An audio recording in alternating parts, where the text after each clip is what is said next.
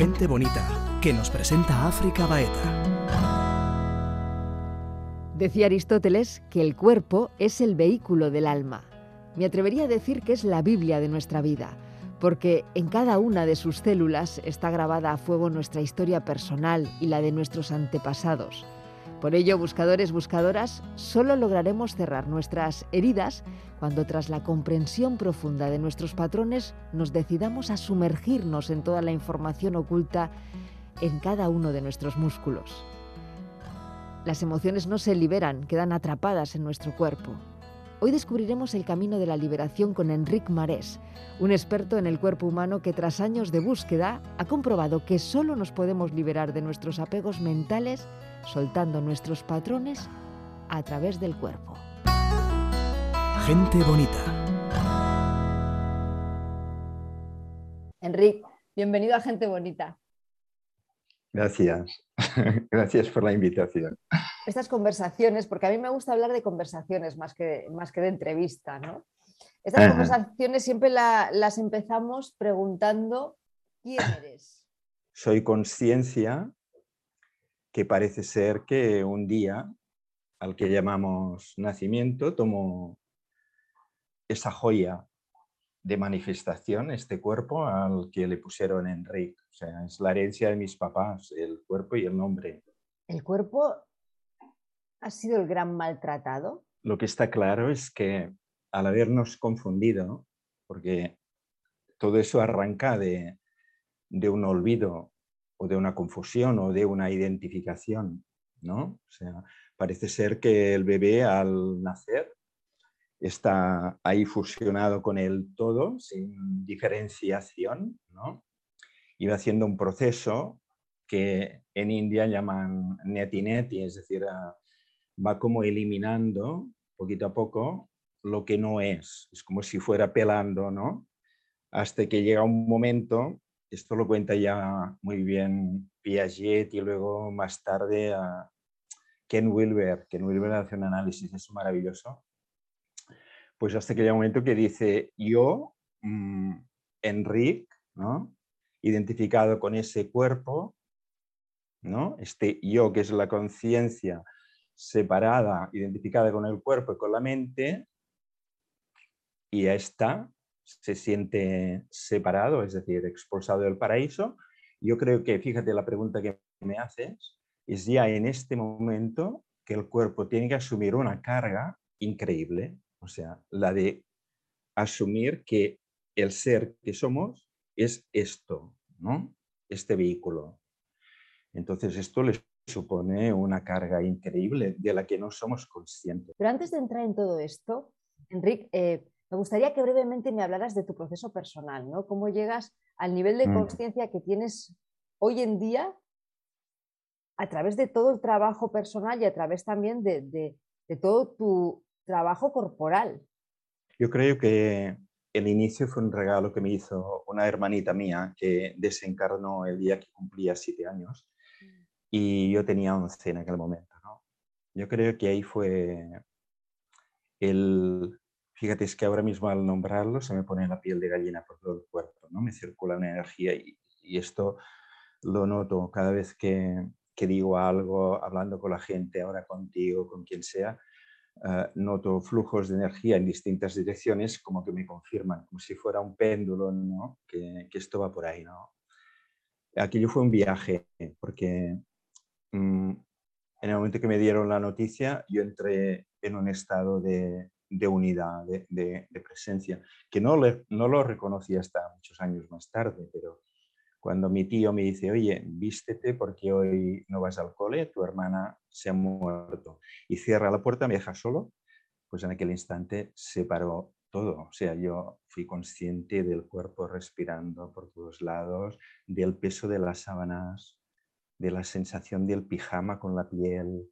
Bueno, al, quitarme las mantas o la sábana, el contrapeso hizo que mi cuerpo apretara sobre el somier viejo que empezó a chillar. O sea, es que estaba escribiendo el primer libro, me vino un día como un flash, tuve que parar y empecé a escribir eso, como si lo estuviera viviendo, reviviendo segundo a segundo lo que fue este día. ¿no? ¿Qué es lo que pasó exactamente en ese momento? Entré en la percepción consciente mm, sin, sin análisis, sin juicios, sin perjuicios. O sea, ahí estaba la conciencia percibiendo la realidad tal y como era. Separó, separó todo, ¿no? Y luego al llegar a casa y al verla en la cama, fíjate, ah, la toqué con la mano y estaba fría, estaba helada, ¿no? Y puse la otra mano en mi mejilla. Entonces, su mano fría, dije muerte y aquí dije vida. Y asocié vida con el torbellino, con el huracán que yo tenía en aquel momento de emociones de miedo, rabia, tristeza, impotencia. A eso le dije vida. Y desde aquel momento yo empecé a huir de la muerte buscando la vida. Buscando la vida quiere decir empezando a delinquir, es decir, crear situaciones extremas que hicieran sentir ese motor de miedo, angustia, tal, ta, ta, ta, al que yo había dicho vida. Eso duró hasta los 18 años. Yo corría en moto, en motocross. Era muy bueno, pero era muy delgadito. Entonces ah, no aguantaba el ritmo y me puse, me puse a hacer ejercicio. ¿no? Y en la medida en que empecé a hacer ejercicio, fue como si la conciencia se fuera instalando en el cuerpo y todo aquello que hacía, que durante todo el día, durante siete años, llamaba al teléfono, podía ser la policía, el vecino, la Guardia Civil, o sea, ¿eh? porque realmente me puse a delinquir, a robar, a crear situaciones complicadísimas para tener este motor de vida en marcha, pues en la medida en que empecé a, a estar, a meterme en el cuerpo, todo esto se fue diluyendo, se fue diluyendo hasta llegarme pensamientos de tengo que cuidarme, voy a dejar el motocross que es peligroso, tengo que cuidar la alimentación, ta, ta, ta, ta, ta, hasta que me despertó la vocación de decir, voy a hacer ah, educación física, ¿no? Voy a licenciar.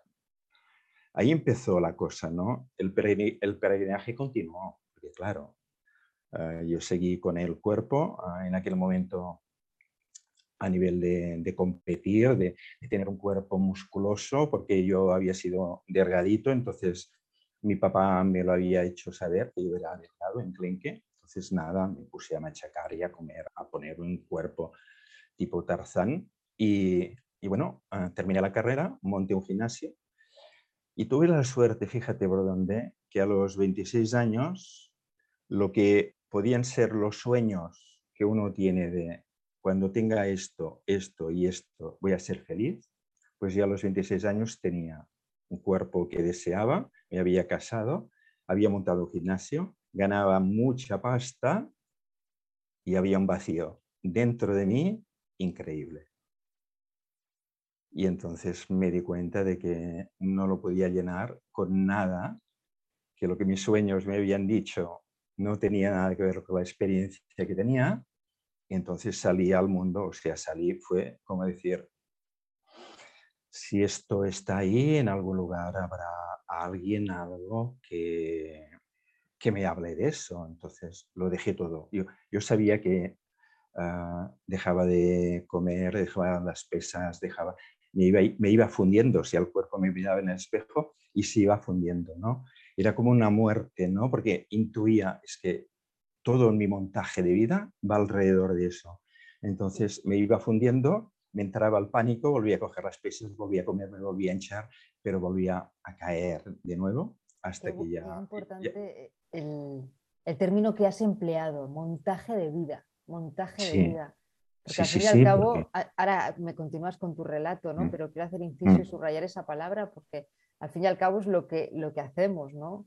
Montamos estados compensatorios, nos montamos una vida a nivel inconsciente para saciar un vacío cuando realmente eso nos lleva a un vacío todavía más profundo. Yo creo que en ese proceso está nuestra alma de manera muy humilde. Yo siempre la veo como, como una vocecita muy humilde que no quiere hacer mucho ruido, ¿no? Como llamándonos, como diciendo, oye, que ese no es el camino, ¿no? Que el camino es para otro lado. Sí, y, y, usa el malestar y el sufrimiento para que nos acompañe, ¿no? Para que nos diga, oye, por aquí no va, o eso que lo, te lo miras así no es por ahí, ¿no? Entonces yo siento que he vivido siempre el malestar y el sufrimiento como un, un compañero, ¿no? De alguna forma, que me indicaba que necesitaba hacer cambio. hay que cambiar y nada, el concepto de, sufrimiento, porque el sufrimiento... Sí, pero fíjate. Pero a veces, eh, si sabemos eh, bailar con el sufrimiento, fíjate lo que te digo, eh, que, es, que es muy duro, ¿no? Siempre detrás hay como, como un tesoro. Absolutamente. Yo, a ver, África, yo, si me preguntas, yo llevo cinco años que no sufro, yo no sufro. No, o sea, puede aparecer situaciones en las que las veo, las acojo absolutamente, se deshacen como el rocío por la mañana cuando se levanta el sol. Es decir, el sufrimiento está absolutamente, es inherente a la idea de individuo separado. Y el sufrimiento yo creo que está también muy relacionado, y corrígeme si me equivoco, eh, con la no aceptación, el no ser capaces de decirle un sí en mayúsculas a la vida. Es que acabas de decir la frase que con esa terminaríamos. O sea, un sí a la vida. O sea, es que no, no. O sea, con eso ya puedes ir llenando luego de cosas, pero es que al final es eso. Fíjate, ah, vivir en paz, que es lo que yo siento ahora, es dejar de resistirte a la realidad de cada instante. Mm. Ser feliz es vivir sin el sentimiento de carencia. Y estar en el amor es saber y sentir que no estás separado de nada. si es que... Sí, sí, es la resistencia. Totalmente, las resistencias, pero enlazándolo con la historia que me estabas contando y cómo mm. eh, empiezas tú a trabajar el cuerpo, que en cierta manera tú, corrígeme eh, si me equivoco, pero por lo que yo entiendo, ¿no? Tú habías eh, identificado que la vida tenía que ser un motor de, buscar constantemente estímulos, sensaciones, adrenalina. De repente te empiezas a centrar en el cuerpo y el cuerpo te lleva al presente. Eso es. Y ahí es cuando se te cae todo el montaje, has dicho. Se cae todo el montaje. ¿Y qué pasa? Se cae. Ah, y, aún, no lo comprendo, ¿eh? o sea, sin comprenderlo, simplemente va sucediendo. No hay una comprensión. No hay una comprensión, pero fíjate lo que acabas de decir, ¿no? Al estar en el cuerpo te instala en el otro sitio, fíjate que la vida nos está citando, que es ahora. O sea, no existe, no puedes, no puedes vivir la vida para dentro de un segundo, ni un segundo antes. La vida es absoluta y plenamente ahora. Pero claro, hay una cantidad de creencias limitantes y una cantidad de represión ¿no? adherida al cuerpo que hace casi imposible que puedas sostener este aquí y ahora sin resistirte a lo que hay y vivirlo como lo único que existe ahora mismo. ¿Cómo hacer ese camino de regreso ¿no? a lo que realmente somos? Te hablaba de que muchas escuelas yo creo que dan un paso, es este, ¿quién soy yo? Y en este ¿quién soy yo? uno se da cuenta de que es esta conciencia, esto que no se mueve y no cambia, y que no es eso que va y viene. Pero muchas escuelas terminan ahí. Pero fíjate, ah, esa idea de ser una cosa separada no es solo una idea, es también una sensación en este cuerpo, porque ha sido el cuerpo, el cuerpo, cuando decía sobre el cuerpo maltratado, ha sido el cuerpo el que ha cuidado de reprimir esta división ¿no? e encarnarla en este personaje. ¿vale? Entonces, aunque hayamos llegado a esa idea que nos llenamos la boca todos en este, en este mundo espiritual, yo no soy eso, yo soy la conciencia, vale. Pero, pero uno lo ves y preguntas a alguien, porque esta, esta es la necesidad que yo tuve. En un momento dado, después de haberme leído 80 libros de Krishnamurti, de haberme ido de aquí para allá, tuve la necesidad de coger e irme al mundo y preguntaba a los maestros, me los miraba a los ojos y decía, usted es feliz y está en paz. Siempre, absolutamente. Ya se me decía que no, digo, pues yo tampoco, me alargaba. Hasta que encontrase a alguien que me decía que sí.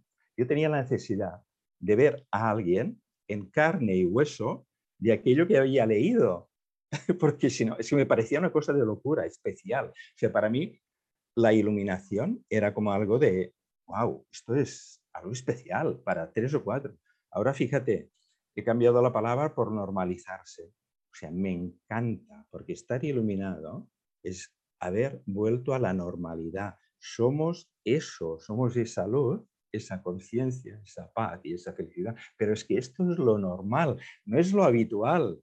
A lo habitual, que es la locura, le llaman la normalidad, pero no, lo normal es ser lo que ya somos. Lo anormal es querer ser algo que no somos, que es donde nos pillamos, donde sufrimos, donde nos cansamos. Es una vida estresante la del personaje. Pero llegar a descansar en lo que somos, eso para mí sería normalizarte, ¿no? Llegas a un punto como de entendimiento, ¿no? Por exploración de que tú eres, vale, esta conciencia y lo demás va y viene y esto es lo real porque es el trasfondo, ¿no? Como la pantalla, ¿no? La pantalla permite cualquier película, no se ve afectada, ¿vale? Pues hay una conciencia que no se ve afectada por ese ir y venir de pensamientos, ni emociones, ni sensaciones, ni percepciones. Entonces, ya lo tienes claro, pero nada, lo tienes claro, pero a los 10 minutos sucede algo y vuelves a reaccionar desde el programa del personaje. Entonces, ¿por qué sucede eso? Pues te iba al segundo paso, que hay muy pocas escuelas y creo que el yoga en Oriente surgió de ahí, de darse cuenta de que estaba en el cuerpo la llave segunda, porque te he dicho que no era solo una creencia, sino que es una sensación además de estas sensaciones corporales adheridas que han reprimido muchas emociones. Y esto está en el cuerpo. Entonces, el paso siguiente, cuando ya sabes lo que eres, ¿no? es cómo vas limpiando, vas permitiendo al cuerpo ir soltando todas esas adherencias, que es por donde esa idea de yo separado vive a sus anchas, escondidito ahí detrás de las murallas, ¿entiendes? Y este es el trabajo que proponemos, este es el trabajo de colocarte, observar el cuerpo, iluminar con la luz de la conciencia, de la presencia, por unos momentos el cuerpo ya no está esclavo del personaje, sino que puff, es la presencia que lo enfoca y a partir de ahí, fíjate qué haces. Acoges con esta presencia acoges todo lo que ha estado reprimido en el cuerpo, que está escondido en un tendón, en un músculo, en un órgano, en la piel, aquí, allí, una capa detrás de la otra, además insensibilizándose para poder vivir, pues ¿qué haces? Hay una apertura, porque al fin y al cabo lo que somos es una apertura donde todo aparece. Entonces, por primera vez, desde el organismo, se vive que hay una apertura que ya no juzga, que no reprime. Entonces, a partir de propuestas con micromovimientos, pequeños movimientos, en la escuela que yo heredé de, del Sagirler, ¿no? En, los años que estuve en París con la doctora Ehrenfried, después estuve en Berlín con Alisa Jensky, luego me fui a Estados Unidos con Charlotte Server y Carola Spitz. Entonces, hay un hacer que es una maravilla, porque es, yo estaba, bueno, llevaba miles de horas meditando. Y para mí la meditación era, bueno, me pongo, pum, para adentro. Luego abrí los ojos y para afuera. Para adentro y para afuera, para adentro y para afuera. Entonces, cuando encontré este trabajo, me di cuenta de que era lo mismo, era la presencia, estar presente, pero además había como, como pequeños movimientos, pequeños movimientos en los que algo sucedía ahí. Es decir, que cuando pones luz y pones un pequeño movimiento o usas una pelotita o un palo o una piedra objetos, ¿no? Que los colocas en sitios determinados donde normalmente ni las posturas de estiramiento ni los movimientos pueden llegar, donde están ahí amarrado y cogido todo esto reprimido, ahí empieza poco a poco el cuerpo a poder soltar, ¿vale? Y ahí puedes tener distintas experiencias. Una es simplemente que, que algo se suelta y en este soltar vives la ligereza, o sea, algo ha cambiado ahí. En este soltar puede aparecer también ah, la emoción que en su momento ¿no? estuvo reprimida ahí, surge la emoción, estás ahí en una sala tranquilamente en casa y no obstante aparece algo que tiene que ver con la tristeza o con la rabia, con el miedo, que no tiene nada que ver con el entorno, por lo tanto aparece como algo que estaba ahí contenido, reprimido, ¿no? Y aparece, ¿no? Y algunas veces, en ocasiones, lo que aparece es incluso la imagen. O sea, te llega el recuerdo exacto de lo que estuvo sucediendo ahí, ¿no? Y que estaba aquí encarnado. Y de eso tengo dos o tres ejemplos, si quieres, de los que podemos hablar, ¿no? O sea, me acuerdo de una chica que vino con problemas en las caderas. Ah, cuando te la mirabas parecía que del cuerpo, de la cintura para arriba era un cuerpo y de la cintura para abajo como si perteneciera a dos, a dos personas distintas, ¿no? Y entonces, ah, mientras hacíamos las sesiones, cada vez que hacíamos algo y donde poníamos la atención, ¿no? en las piernas, ella se dio cuenta de que las piernas eran como refractarias, es decir, que ponía la atención, pero ella como si no pudiese estar ahí, ¿no? Que las piernas escupían, que no podía estar presente, como podía estar presente en el cuello, la nuca, el oído, la mandíbula, ¿no? Entonces, bueno, llegó un día que sí pudo estar ahí presente, ¿no? ¡Pum! Se quedó ahí en las piernas, estas empezaron a temblar, la chica empezó a gritar, empezó a llorar y bueno, luego pudo compartir. ¿Y qué compartió? Fíjate tú. Ella tenía 5 o 6 años o 7 y su mamá había decidido que se iba a quedar a comer en la escuela. Y no vivía muy lejos de la escuela. Entonces, cuando todo el mundo se iba y unas cuantas se quedaban, ella se tenía que quedar. Y hacían una fila ¿no? para entrar al comedor. Entonces ella se vio que lo que quería era largarse a su casa. ¿Vale? Largarse a su casa, ¿dónde va la energía? A las piernas, ¿no? Entonces no podía. ¿Dónde tenía que ser contenida la energía? En las piernas, ¿no? Y esto le generaba un sufrimiento, es lo que hablábamos antes, hasta que llegó un momento en que la represión fue tal que las piernas se volvieron como unas columnas, ¿vale? Con las que casi no podían dar, no podían dar fluidamente, y así ya no podía sentir toda esta emoción, todo este malestar. Cuando empiezas a trabajar el cuerpo, la mente se acalla, te llegan respuestas que la mente ni controla, la mente es como que desaparece. Y, y, para una persona, por ejemplo, tan racional como yo, experimentar eso ha sido lo más brutal de mi vida, ¿no? Yo que, yo que controlaba las emociones, controlaba las respuestas, controlaba absolutamente todo, de repente la mente se aparta y el cuerpo te empieza a dar información que no sabes de dónde viene, ¿no? O sea, del subconsciente, imagino, ¿no? Pero ahí la mente no pinta nada. No, no, porque la mente no puede saber nada de eso. Es como de este instante. O sea, de este instante, la mente no sabe nada, porque este instante único, que nunca antes ha existido, irrepetible, solo sabemos de él si estamos aquí presentes. La mente, que es un acúmulo de memoria y el pensamiento, su movimiento, no puede saber nunca nada de lo que sucede ahora. Por eso, cuando estás presente, como ahora, la mente no puede hablar, no tiene cabida. ¿Entiendes? La mente eh, forma parte de este ego, que es el rechazo al instante, porque no es su reino, porque en el instante solo hay instante presente. ¿Y qué hace? Te quiere, ah, te quiere, ¿cómo se dice? Mm, tentar en que más tarde, cuando terminemos esto, es cuando yo estaré a gusto, mañana, no sé cuándo, ¿no? Fíjate, como no puede vivir en el instante porque no puede, crea el tiempo, crea el tiempo y te quiere desplazar a otro momento, ¿no? Para sacarte del único sitio donde realmente existe la plenitud, la felicidad y la paz, es ahora mismo, es que es aquí, o sea, no hay otro sitio que aquí. Y cuando estás presente, la mente, fíjate, una de las cosas que desapareció, en mi caso, fue toda esta movida mental ligada y atada, como si fuera en un satélite dando vueltas, a esta idea de yo separado, individualizado. Esto se fue cayendo.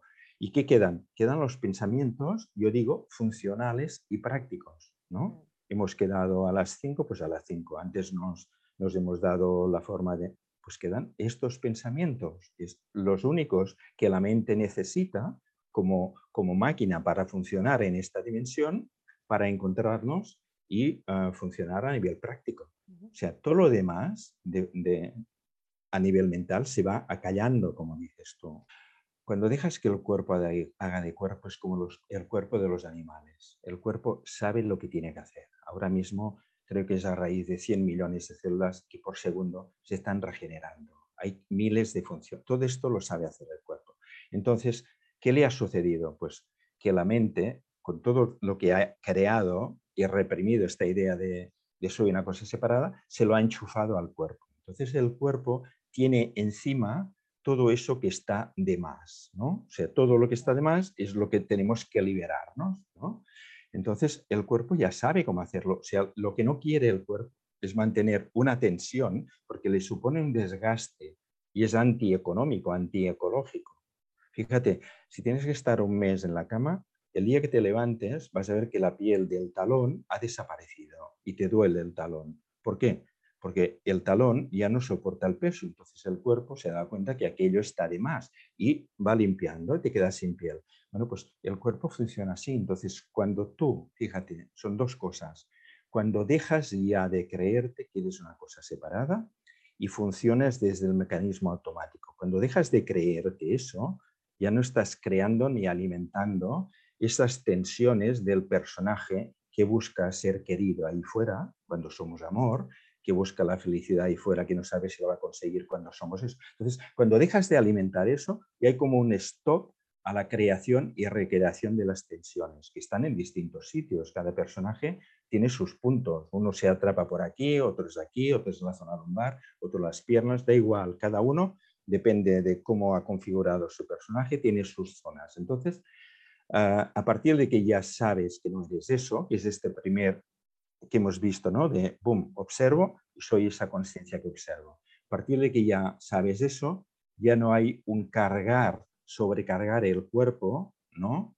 De eso que creías ser, que no eres. Entonces, a partir de ahí, el cuerpo a la que lo enfoques con la conciencia y empieces, como te decía antes, a acoger, ¿eh? porque cuando te, te tumbes y te quedes presente, van a aparecer pensamientos, van a aparecer imágenes, sensaciones, emociones.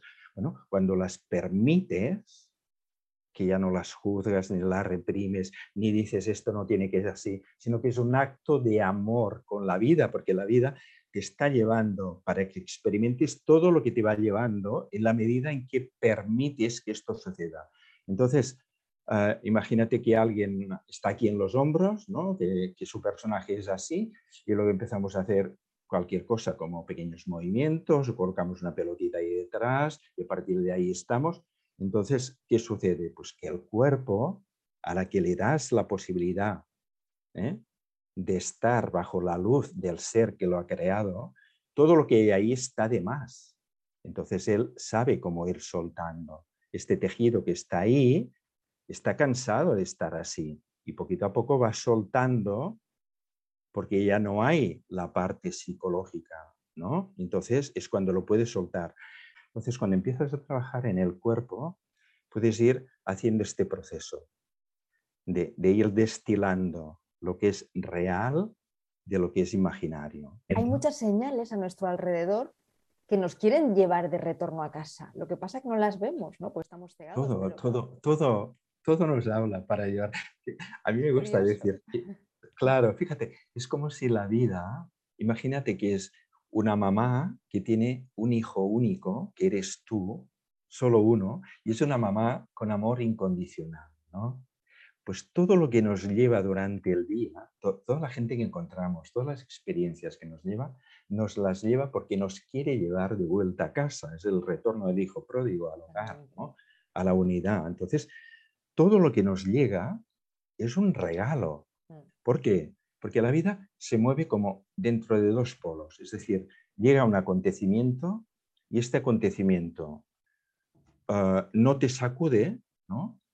porque te pilla ahí, limpia de lo que es un posicionamiento. Es decir, fíjate, alguien dice algo y a tu lado algunos se alteran y tú no, no te alteras con lo que ha dicho este, ¿no? ¿Por qué tú no te alteras? Porque lo que ha dicho no encuentra en ti algo donde chocar, es decir, un posicionamiento, no lo encuentra, una creencia.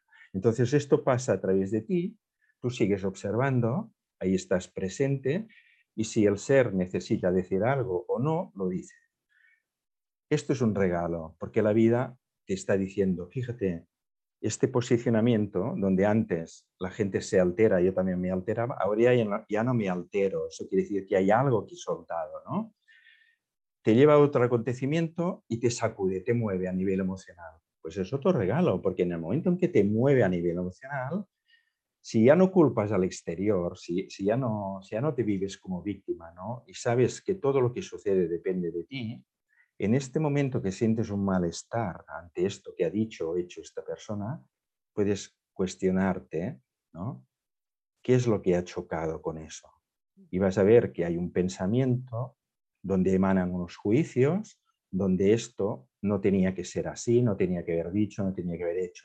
Esto es un regalo, porque el malestar te permite observar que tu oscuridad hay un posicionamiento que no te ayuda, es mantener este posicionamiento que te lleva al malestar. Y esto es orgánico, es decir, todo, todo esto está en el cuerpo y lo notas, en medida que lo vas liberando, e, es, es una locura de darte cuenta de la carga que lleva encima desde el primer momento que le hemos atribuido la faena. Es como si a un mayordomo que no conociera al propietario de la extensión tuviera que hacer de amo. No puede, está hecho para hacer de mayordomo. Y un día llega el amo y él lo celebra. Esto sería el ego. El ego está contentísimo, el cuerpo y la mente, cuando por fin llega el ser, es el amo, y esto se ponen a disposición de él. Enrique, una frase para terminar. Hay un juego en la India, se llama Lila, que es como que Dios se esconde para encontrarse. E, e, es que es un juego al final. Enrique, ha sido maravilloso escucharte. Un placer.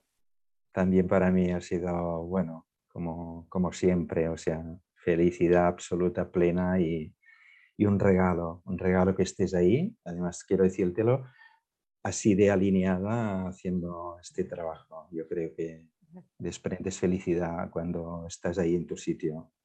Gracias. Gracias a ti. Gente bonita con África Baeta.